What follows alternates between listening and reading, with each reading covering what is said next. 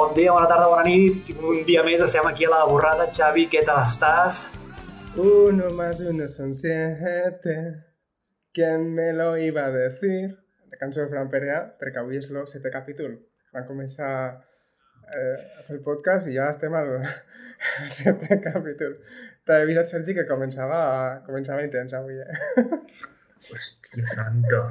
Hòstia santa. Aviam, jo, jo, jo t'anava a dir que segurament ja estem, fa un any que estem fent el podcast, però, clar, tota aquesta celebració ara mateix, hòstia santa. T'acaba de petar molt el cap, eh?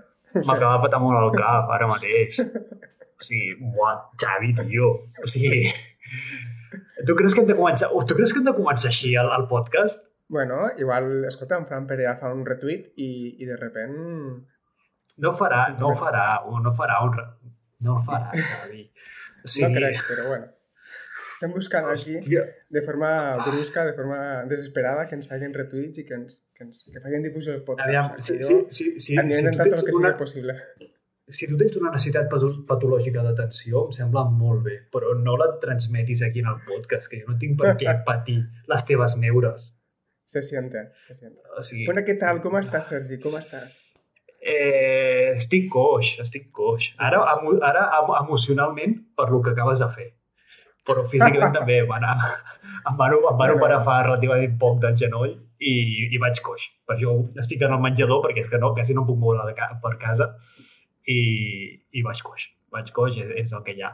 Però, però bueno, eh, però sí, tio, que el que fa això sí, o sigui, estic bé perquè també fa un any que fem la borrada, en el fons. Bueno, no sé si Un any, ha sigut eh? ara al març o va ser al febrer, perquè vam gravar aquells tres primers episodis que van ser els de setembre, octubre, novembre, que els vam gravar Mm. ara en aquesta època. I després vam estar sis mesos sense fotre brot, sense saber si podríem arribar a emetre o no, però fa... No sé si podríem dir aniversari o, o no, uh, la veritat, però, però bueno, fa un any que fem la borrada. Per això Però, la cançó clar, estava que- super, super ben indicada. Uno más uno son siete. Era, Eh, sí. era temazo. Clar, clar, no, sí. Eh, eh, aix- aix- Això, o sigui, no, és que no se m'acut res que sigui realment falton per dir el que acabes de fer amb l'episodi. Bueno, cadascú O sigui, falta o... No sé, cadascú es treu el respecte d'alguna forma i jo... sí, però és que, però, però és que ha, ha, ha sigut, la, la teva entrada ha sigut com posar l'himne del Madrid al mig del camp del Barça o posar Santiago a l'escala enmig d'una assemblea de la CUP. O sigui, ha sigut absolutament tallar, tallar rotllos, però, Bueno. però bueno, bueno, Bueno. sí, què, què farem? Pues mira, De, de, de, de, demano, demano, jo almenys per la meva part demano disculpes per aquest inici tan, tan lamentable de- de- d'episodi que, que, que fem avui. És, si esteu enfadades o si, si, si us ha molestat, és culpa d'en Xavi. Vale? Això, Vaig a, vaig, a, vaig a ficar més a la llaga, perquè avui volia, volia dedicar el capítol a tres persones, eh, amics, amigues, coneguts, que, que, que m'escoltaven i que els agradava el podcast.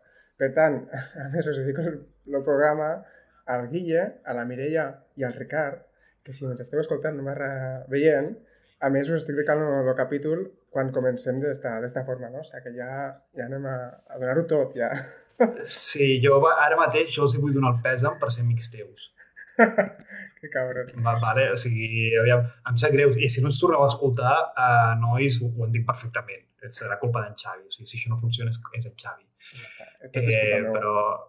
ah, Sí, tot és culpa teva. Però, però bueno, què, te, què tenim, Eh. Sergi, avui al menú del, del podcast avui? què, què, què, què tenim? Avui el que volíem parlar són, bueno, com sempre, diversos temes, una notícia, el monogràfic i una part cultural, que la part cultural d'en Xavi, eh, el tema és fetent, tot s'ha de dir, el tema ho pot, ho pot patar molt, però tal com ho fa en Xavi, ho pot enviar a la merda. O sigui, pot arribar a arruïnar a la, la producció audiovisual de la que parlarà. Sí, puc, puc arruïnar em la vostra infància, bàsicament. Sí, sí, sí, sí, sí, literal, literal, literalment, aquest, poder, té aquest poder. Però bueno, eh, avui parlarem de, de granotes colombianes, parlarem d'espècies invasores, com, com en Xavi. O sigui, en Xavi ha, ha, ha, ha envaït aquest podcast i l'ha arruïnat, ha destruït l'ecosistema d'aquest podcast. Veus? El, el que el dona molt de joc, eh, la cançó. Exacte. I eh, en Xavi acabarà parlant del Rei León, Molt de bé. la pel·lícula del Rei León. Pel·lícula. O sigui, us destrossarà la infància. Em sap greu, eh, tot, tot, tot s'ha de dir. Espero que, que el Elton John no ens vingui a, a denunciar per haver destrossat una de les seves grans obres musicals, però No, amb potser una gran retuit. mítica cançó. Potser fa el No, retuit de no, no, John. no, fa, no, fa, no, No, farà eh? el retuit de tot John, no. Algun dia, eh? No, no, Algun no. dia. Algun dia, ah, mira, al- al- algun dia tira, algun dia tiraràs i, i diràs bé una, una notícia, aviam si és el dia 1. Bueno, anem a veure, la tinc oberta, vaig a llegir-la en la veu de llegir notícies que tinc jo quan... notícia, notícia del país. El zootecnista que rompió con el tráfico de ranas venenosas. Vaig a llegir el primer paràgraf perquè és molt interessant. Diu, Iván Lozano y su proyecto de reproducción y exportación legal de siete variedades de estos anfibios pone en jaque un mercado multimillonario y hostil con ellos. Colombia es el segundo país con mayor riqueza de estos animales y también el primer exportador ilegal de los mismos. És, aviam, la notícia en el fons pot ser guai, en el sentit de que està intentant impedir el tràfic il·legal d'espècies. S'ha de dir que el tràfic il·legal d'espècies és el tercer tràfic il·legal que genera més pasta de tot el món, Déu-n'hi-do. després del tràfic de drogues i d'armes. Hòstia, déu nhi Vale. eh? Clar, no, saps? Ja no només per al, per al col·leccionisme, eh? però també per, per al consum de medicina tradicional, principalment a, a Xina, i pel, i pel, pel marfil de- d'elefants i, de, i de rinoce- rinocerons, eh, també de, de, de plantes. Eh, bueno, és, un, és un tràfic il·legal. De fet, gran part és format per, per màfies que abusen de, de les poblacions locals, perquè sol ser de països en vies de desenvolupament a països desenvolupats, on, on hi ha aquest, aquest tràfic. I, I qui pilla sempre és la població local, perquè és la fàcil de, de pillar, perquè és la que està sobre el camp, i no les maleïdes màfies que, que són les que organitzen i les que porten totes les trames. Així que, bueno, la, teòricament, la idea d'aquesta gent és guai, no? Sí, El, el fet de poder criar espècies per fer un comerç legal exacte. d'unes espècies en perill d'extinció està guai. Que si, a més a més, les autoritats colombianes els hi sortís els santíssims ous a deixar que, aquest, que fessin també reintroducció, encara seria més meravellós. Sí. T'imagines que, que un govern afavorís la conservació de la biodiversitat? Uf, no, no, m'està costant, eh? No, no, no ho visualitzo. No. No sé, és que jo, jo, jo m'estic imaginant que inclús podria ser com si hi hagués una granja de polítics i polítiques en el que se'ls va criant, imagina't, un tot de gàbies plenes de Sánchez i Casados i. Ayusos i Puigdemons i els vas, els vas alimentant allà dins i després els exportes perquè siguin polítics i polítiques en diverses zones del món. Mira, Tu imagines això? Ah, bueno, pot- potser ja està passant, eh? perquè són les joventuts dels partits polítics. hòstia, que bona, molt afilada, eh? Molt No? afilada. No sé. Sí, No sé. Però bueno, eh, no sé, clar, això no sé si amb les màfies polítiques i les corrupcions eh, podria ser la solució, perquè potser amb, la, amb les joventuts veiem que no, no funciona per res.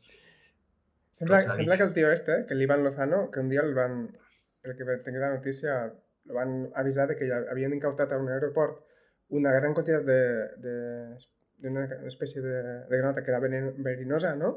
I va veure que estaven, pues, eh, estaven empaquetades, mal embalades, estaven mig moribundes, les va voler recuperar i d'aquí va sortir la idea del projecte, no? D'intentar pues, criar granotes, per lo que dius tu, espècies d'amfibis per a poder fer competència a les màfies, no? O sigui que realment la és, és bastant curiosa i bastant, bastant pionera, no? Però és el que dius tu, si el govern no facilita, eh, només seu participa d'iniciatives, al final, bueno, només afecta el comerç. També podria tenir un impacte positiu al medi ambient, no? Sí, aviam, sí, sí que els governs regionals sí que els han cedit espais i els han cedit les instal·lacions per poder fer aquest projecte i per lluitar contra el tràfic il·legal. Això és veritat, perdó, i, i, i està molt guai.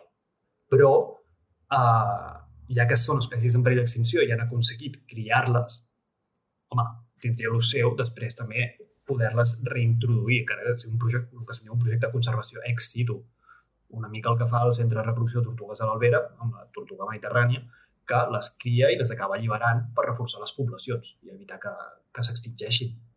Llavors, sí, el projecte, el projecte és guai en, en aquest sentit i vale, sí, estàs llu- lluitant contra un projecte que és ai, un problema que és ambiental i social, però el, el problema ambi- ambiental també li pots donar solució. El que sembla, segons la notícia, és que els diversos governs o els diversos òrgans administratius, mm. públics de Colòmbia eh, s'estan traient la polla aviam qui la té més gran.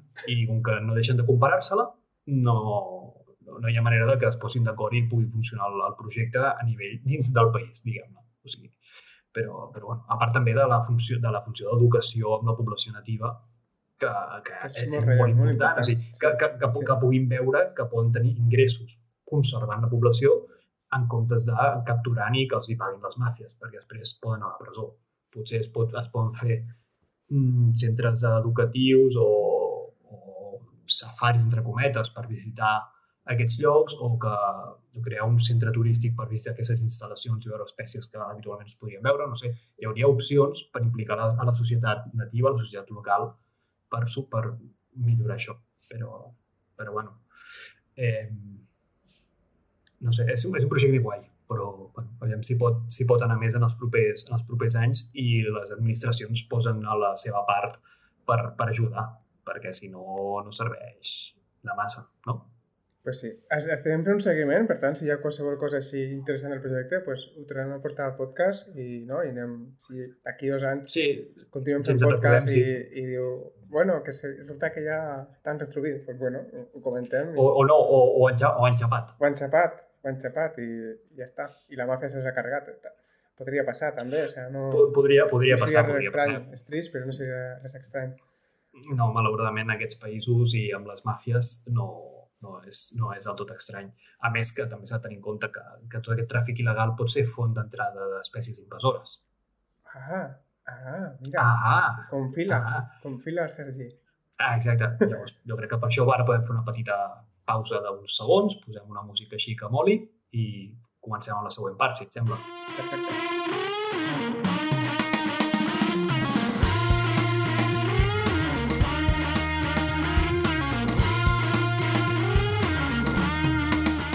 Bueno, parlarem d'espècies invasores, que és el que, el que, havíem, el que havíem comentat. Eh, les espècies invasores són un dels grans problemes que hi ha actualment en aquest segle XXI a nivell ambiental, però no només ambiental, sinó també a nivell social, a nivell sanitari i a nivell econòmic. Eh, un es considera, o sigui, el concepte d'espècie invasora és, o sigui, ve associat a l'espècie exòtica. Llavors, és una espècie que arriba en un lloc que no és el seu, en un hàbitat que no és el seu, que aconsegueix sobreviure-hi, s'hi estableix, creix i llavors té una afectació negativa en l'ecosistema i en l'hàbitat on està. És a dir, però ha de seguir tots aquests passos, perquè hi ha espècies exòtiques que s'han establert aquí, per exemple, a Catalunya, però que no han arribat a, A a convertir-se a ser invasores, exacte. Però sí que hi poden viure, és a dir, una espècie exòtica invasora és la cotorra argentina, Mm. o la cotorra de Kramer, que estan creixent moltíssim, però hi ha altres tipus de cotorres, com les aratingues, si no m'equivoco, que no estan, o sigui, poden viure, per exemple, a la ciutat de Barcelona, es poden reproduir, però no estan tenint un creixement explosiu ni estan, diguem-ne, eh, expulsant a les espècies, a les espècies autòctones. Vale? A Catalunya tenim 177 espècies invasores, Són de les eh? me- Són Sí, però, clar, però tenim més de 1.000 espècies exòtiques reconegudes al país. O sigui que en potencialment total- podríem tindre moltes espècies invasores. no? Potencialment sí, però no, potencialment estan aquestes 177. L'altra cosa és que hagin aconseguit expandir-se. Simplement estan en un llistat, s'han detectat, però clar, potser s'ha detectat un individu d'aquí a que sigui invasora, potser no ho és, però sí que té el potencial invasor. O sigui, al final un individu sol no pot colonitzar res. Això també també tinguem-ho tinguem en compte. Però clar, si aquest individu és una família que té cries o que està embarassada, mm, llavors ja, ja, és un altre, ja és un altre tema. Llavors, clar, aquí a Catalunya què tenim? Bisó americà, per exemple, tenim el coipú com a mamífers, tenim els becs de corall, tant el bec de corall senegalès com alguna altra espècie que, que vam trobar per voltants de Barcelona, tenim les cotorres mencionades, així també com a ocells, tenim la tortuga de Florida com a, com a rèptil, tenim el cranc blau, el cranc vermell americà, el cargol poma, la, el musclo zebra eh, i molts altres invertebrats eh, invasors, molts dels quals estan al Delta de l'Ebre o en, espai, o en ambients aquàtics sí. d'aigua dolça. Sí. I inclús també tenim alguna alga, diverses algues de fet, però una d'elles la més perillosa, diguem-ne, o de les que se, se n'ha sentit més a parlar, és la Caulerpa taxifolia, que competeix també amb la... O sigui, no és que arriba a competir, però causa danys a, a les praderes de Posidònia, perquè impedeix el seu creixement. Uh, però bueno, hi ha moltes altres espècies, això, això ja he dit, n'hi ha fins a 177, I en molts casos l'impacte més visible, entre cometes, o el més conegut és l'impacte ambiental, això des de desplaçar o competir a les espècies autòctones pels mateixos recursos o perquè les depreda o perquè ocupa els mateixos hàbitats o el mateix lloc on dormir, per exemple, o inclús que les arriben a extingir. I, però bueno, no només són els canvis ambientals, pot haver-hi canvis um, sanitaris, per exemple, si es preveu que un augment del canvi de les temperatures pel, associat al canvi climàtic puguin arribar a mosquits que ja fins ja n'hi ha, com el, el mosquit tigre, portadors de, de malalties. Exacte. Clar, el mosquit tigre és una espècie invasora, al final, o sigui, perquè s'ha establert i s'està expandint moltíssim i pot, i pot transmetre malalties com el chikungunya, podria arribar a transmetre la malària, febre groga, etc. Llavors, bueno, s'ha de tenir en compte que també tenen una afectació um, sanitària en aquest cas, el cranc blau té una afectació econòmica, en els, no tant en els arrossars, que en els arrossars seria el cargol poma, per exemple, però el cranc blau és en les marisqueres, a les muscleres de, de, del delta i també pels pescadors, i arriba a tallar les cordes i les xarxes, i és un impacte, un impacte important. Llavors, és això, una espècie invasora ja no només hem de pensar que afecta en el, en l'entorn, diguem-ne, ambiental, eh, que afecta els altres animals o les altres plantes, sinó que afecta també a, a, a nosaltres, a la societat, a les persones, eh, a, a les cotorres, qui, quanta gent està farta del soroll que, que fan a les cotorres de la ciutat, quan n'hi ha moltes, també. Llavors, bueno, són, són moltes molèsties que poden afectar la salut i a l'economia de la gent. Sí. I s'ha de dir que moltes vegades el vector de transmissió d'aquestes espècies invasores és l'ésser humà. Hi ha vegades que una espècie invasora pot ser-ho per propis medis, és a dir, hi ha hagut canvis en ecosistemes i, i canvis de poblacions durant tota la història natural, això és obvi, però com a ésser humà el que fem moltes vegades és transportar espècies, com tu ben connectaves en la notícia de la, de la venda d'amfibis exòtics de Colòmbia, moltes vegades nosaltres som un vector que transmet espècies d'un lloc a un altre i de repent tens una espècie que, que ha viatjat eh, milers de quilòmetres en, en superant barreres, barreres físiques que no podria superar i que es troba en un entorn que diu, hòstia, aquí, aquí tinc menjar infinit, no? Estic fent una mica mm. la reducció a l'absurd de... No, no, no, però, però, però és, és, és així i que, i que no sempre és directa aquesta, diguem-ne, el, el com s'envia, o sigui, el com, que no és que sigui una introducció voluntària i directa, exacte, exacte, sinó a, a, a, vegades pot ser involuntàries i, per exemple, els bisots americans era perquè es van deixar, es, els animalistes van alliberar a uh, les granges i van deixar de sueltos els animals, causant un gran problema ambiental, però també pot ser per escapes accidentals d'aquests animals, com ha passat amb el coipú, o com està passant, per exemple, a les Balears i, de fet, també a Catalunya, amb l'intercanvi d'oliveres, s'estan traslladant a rèptils a les Balears. S'hi han enviat la serp verda, serp de ferradura i no sé quin altre, que s'estan carregant les sargantanes Clar, típiques de les Balears. És un ecosistema so, so, I més una illa. tancat, no? Ah, exacte, però inclús s'ha vist que portant oliveres de les Balears cap aquí, que han portat la sargantana, en, el cas, en aquest cas, la sargantana de les pitiuses, com que tenen una capacitat competitiva entre els propis individus molt alta, acaben desplaçant a les sargantanes autòctones. Mm. O sigui, diguem-ne que tenen un comportament de que no reconeixen una serp com a enemic, llavors la serp se les jala, però amb els congèneres, com que no tenen enemics i poden créixer molt, tenen una ter ter territorialitat i una agressivitat molt forta. Més alta. Llavors, afecta, a, poden desplaçar a les a, sargantanes autòctones per, per aquesta competència.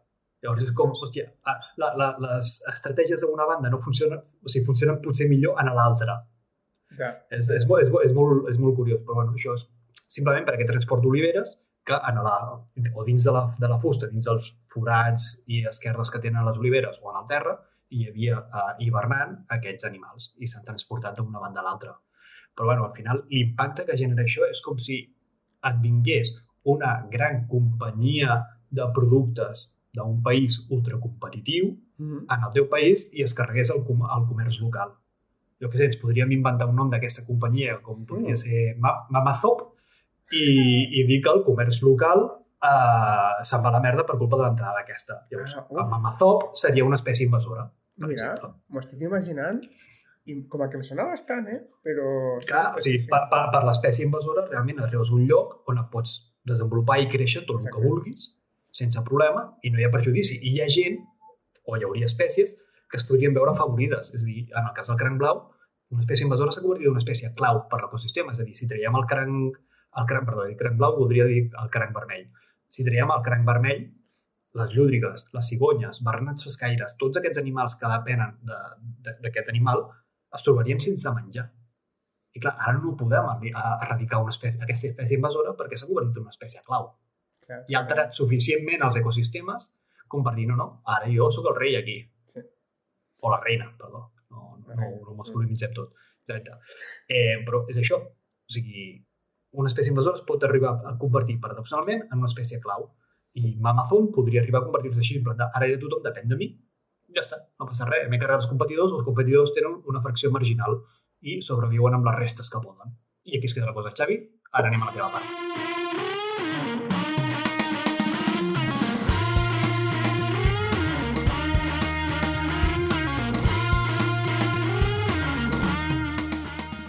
Bueno, tema. Eh, vam pensar de fer una secció que fos bio, analitzant la biologia detrás del rei jo, ¿vale? és a dir, analitzant la pel·lícula i què passa, què ens conta, què està bé, què no està tan, mal, què no està tan bé, què és fals, que, quins conceptes porta molt bé, perquè la pel·lícula és una passada. Si, si sou millennials, si... Bueno, haureu, suposo que haureu vist la pel·lícula perquè és un clàssic tothom, de Disney. Tothom l'ha de veure. Tothom és, de veure. és per a mi les millors pel·lícules d'animació que hi ha. Va haver una mica de, de polèmica perquè va haver una, una animació japonesa que era molt pareguda, que la gent pot buscar que van, van haver demandes, d'un anime japonès que, que es deia Kimba, no era Simba, era Kimba, va sortir abans del Rei Lleó, el disseny era paregut, la temàtica no era exactament igual, però hi havia coses molt similars, algun plano és bastant semblant.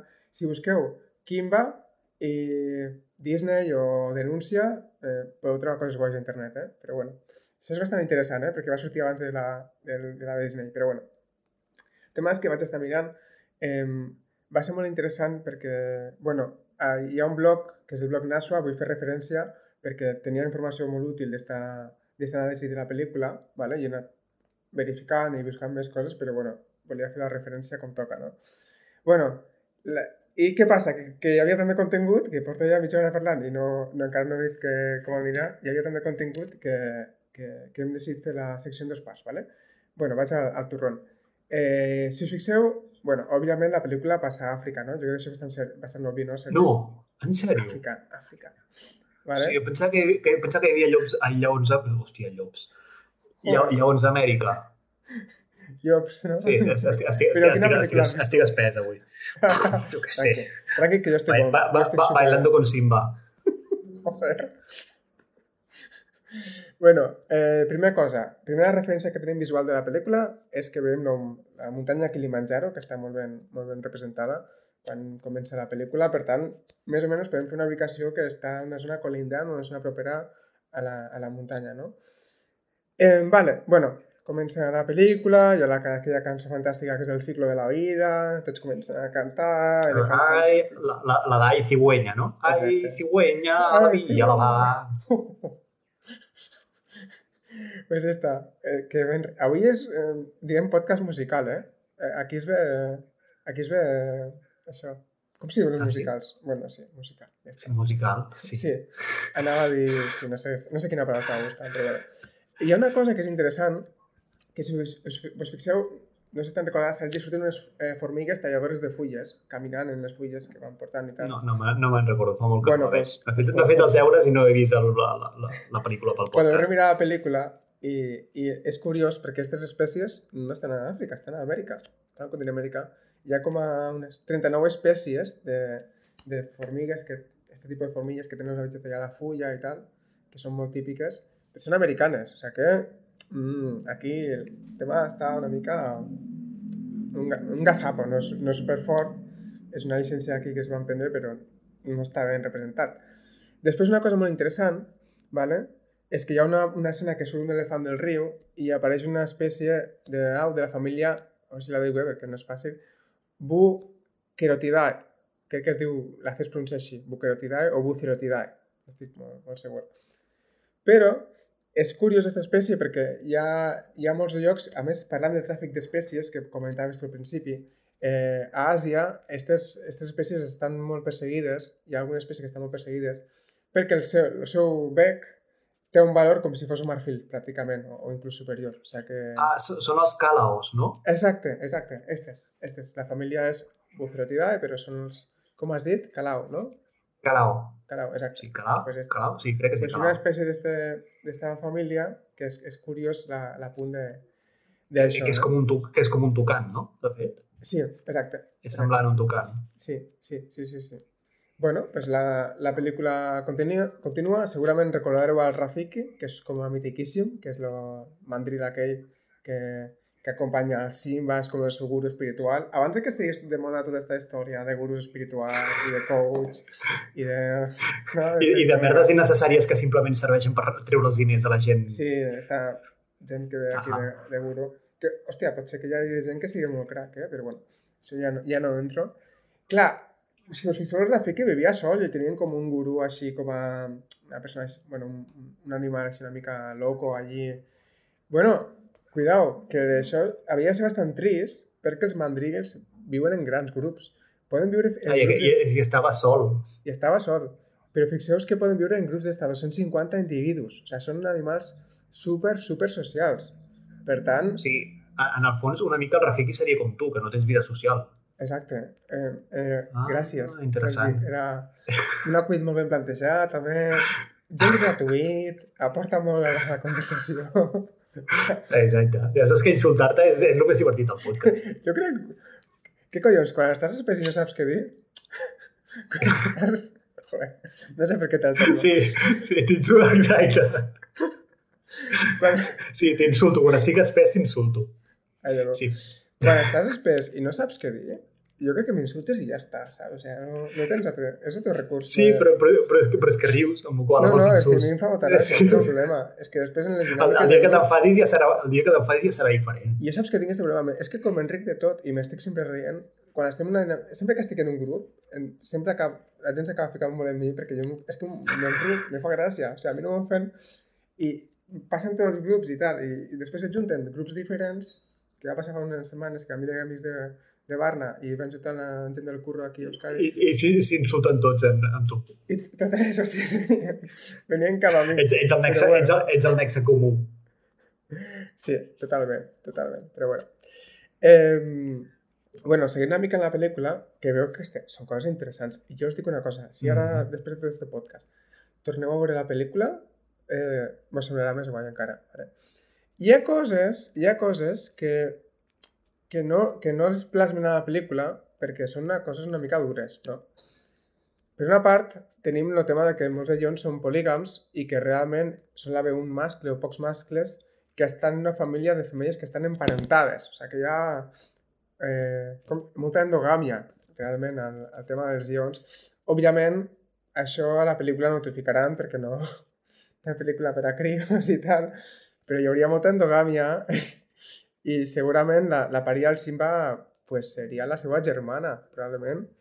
Cosa que està fea, està fea. Simba, És lleig, és, lleig. Simba, eh, no sé, pensa tu que està feo. Has compartit biberó... Bueno, però lla- llavors, la, la, la, si, si, surt, si acaba tenint un fill Simba, eh, tindrà la mateixa semblança en qualsevol monarquia europea, no? Tindrà algun, algun problema genètic. Habsburgo era, no? Algo així. Hi havia una monarquia que va ser...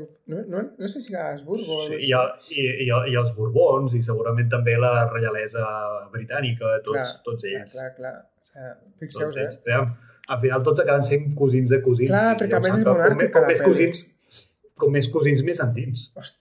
No... No...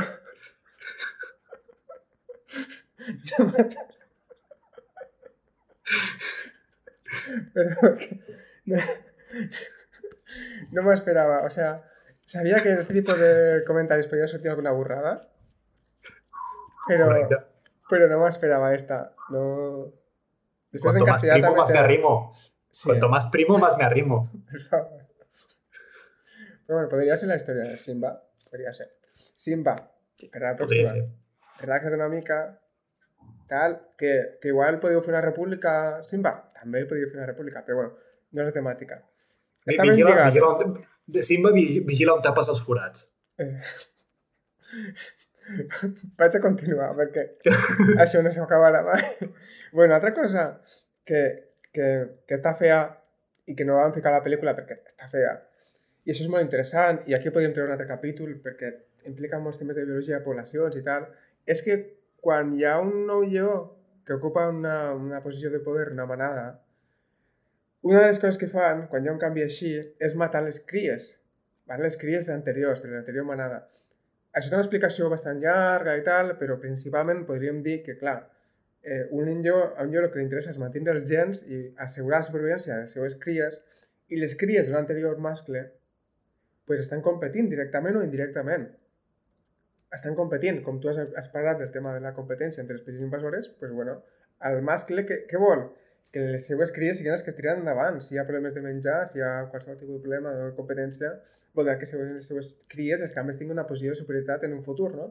Per tant, el que primer que fan, bueno, cosa que fan, matar les cries de, de la manada anterior. Que, això, una altra cosa que Disney no s'ho plantejaria ficar. Quedaria fer. Sí. Seria igual per una versió superrealista de, del rei jo i no, això... Bueno, se'n diu documental de la 2 de diumenge a la tarda. Exacte, seria això. Seria, si veu per això, seria un, la 2 i ja està. Que no estem Exacte. fent puli de la 2, però que si la 2 considera que això li... No, no, no ens pagarà perquè és pública. No, no ens ah, pagarà. No, no, pues ja està. no, no em dic res. Eh, no, la 2 no. no. Res. La sexta. Que... T'imagines? No sé si jo crec que, la, a la, a la, jo, jo crec que potser a la, a la sexta no, però sí en el vuitè o en el novè episodi podem continuar. Sí. Sí. Jo crec, igual, no? igual deixem aquí, no? Jo crec que potser podríem, ho podríem deixar aquí vale. avui. Espero que no hagués semblat interessant. Està, està, està, està molant, vull que segueixis, és veritat, però estem intentant no, no allargar-nos excessivament. Exacte. Deixem-ho aquí. I una retirada jo ho deixaria... Victòria un, un parar i que la gent se quede en ganes, que digui. Ah, exacte. Eh, jo escull, jo... Digues, o digues una pinzellada de què ens espera el proper dia. Què ens espera el proper dia? Pues bueno, volia parlar dels ecosistemes perquè el Reyo parla molt bé del paper del depredador. Això em semblava eh, superinteressant. I també volia parlar de com estan representades les hienes, perquè hi ha diverses coses que no estan explicant molt bé del Reyo, el tema de com les tracten, i realment no, no parlen de la biologia o de la rellevància que tenen les hienes. Serà una mica del que parlarem la, al proper capítol. No al proper, al, vale. l'altre, al, al novè. Per, per, perfecte. I potser no de hienes, però sí de voltors. És com voleu que us quedeu amb això, us hem donat aquí una mica de carronya i voleu que us quedem aquí volant una miqueta fins al proper episodi Exacte. i que us acabem d'explicar això. Molt bé. Vale. Pues, tanquem aquí. Xavi, no? gràcies. Tanquem aquí. A gràcies altre cop per, per tornar a seguir aquest espai a mi, per deixar-te insultar, inclús amb un inici tan dolent com el teu i un dia espès com el meu i, i res, a sí. la propera, la propera serà, vindrà Sant Jordi. Uh, de fet. Sant Jordi. Uh. Ve Sant Jordi. Uh, que, bueno, ja, ja, ja, ja, festa, ja, eh? ja, ja vam fer un Sant Jordi al setembre o a l'octubre. Ara tornem a fer Sant Jordi, però ja, com que serà abril, com que serà abril, serà Sant Jordi de veritat. Sí, és, bonic. que... és una de les millors festes que tenim a Catalunya i molt millor que el Sant Valentín. Qui digui Sant Valentín, fora. A la merda. Sant Jordi. A la merda. Sant Jordi, o sigui, si qui digui Sant Valentín, que vingui el drac i se'l mengi. Exacte. Ja està.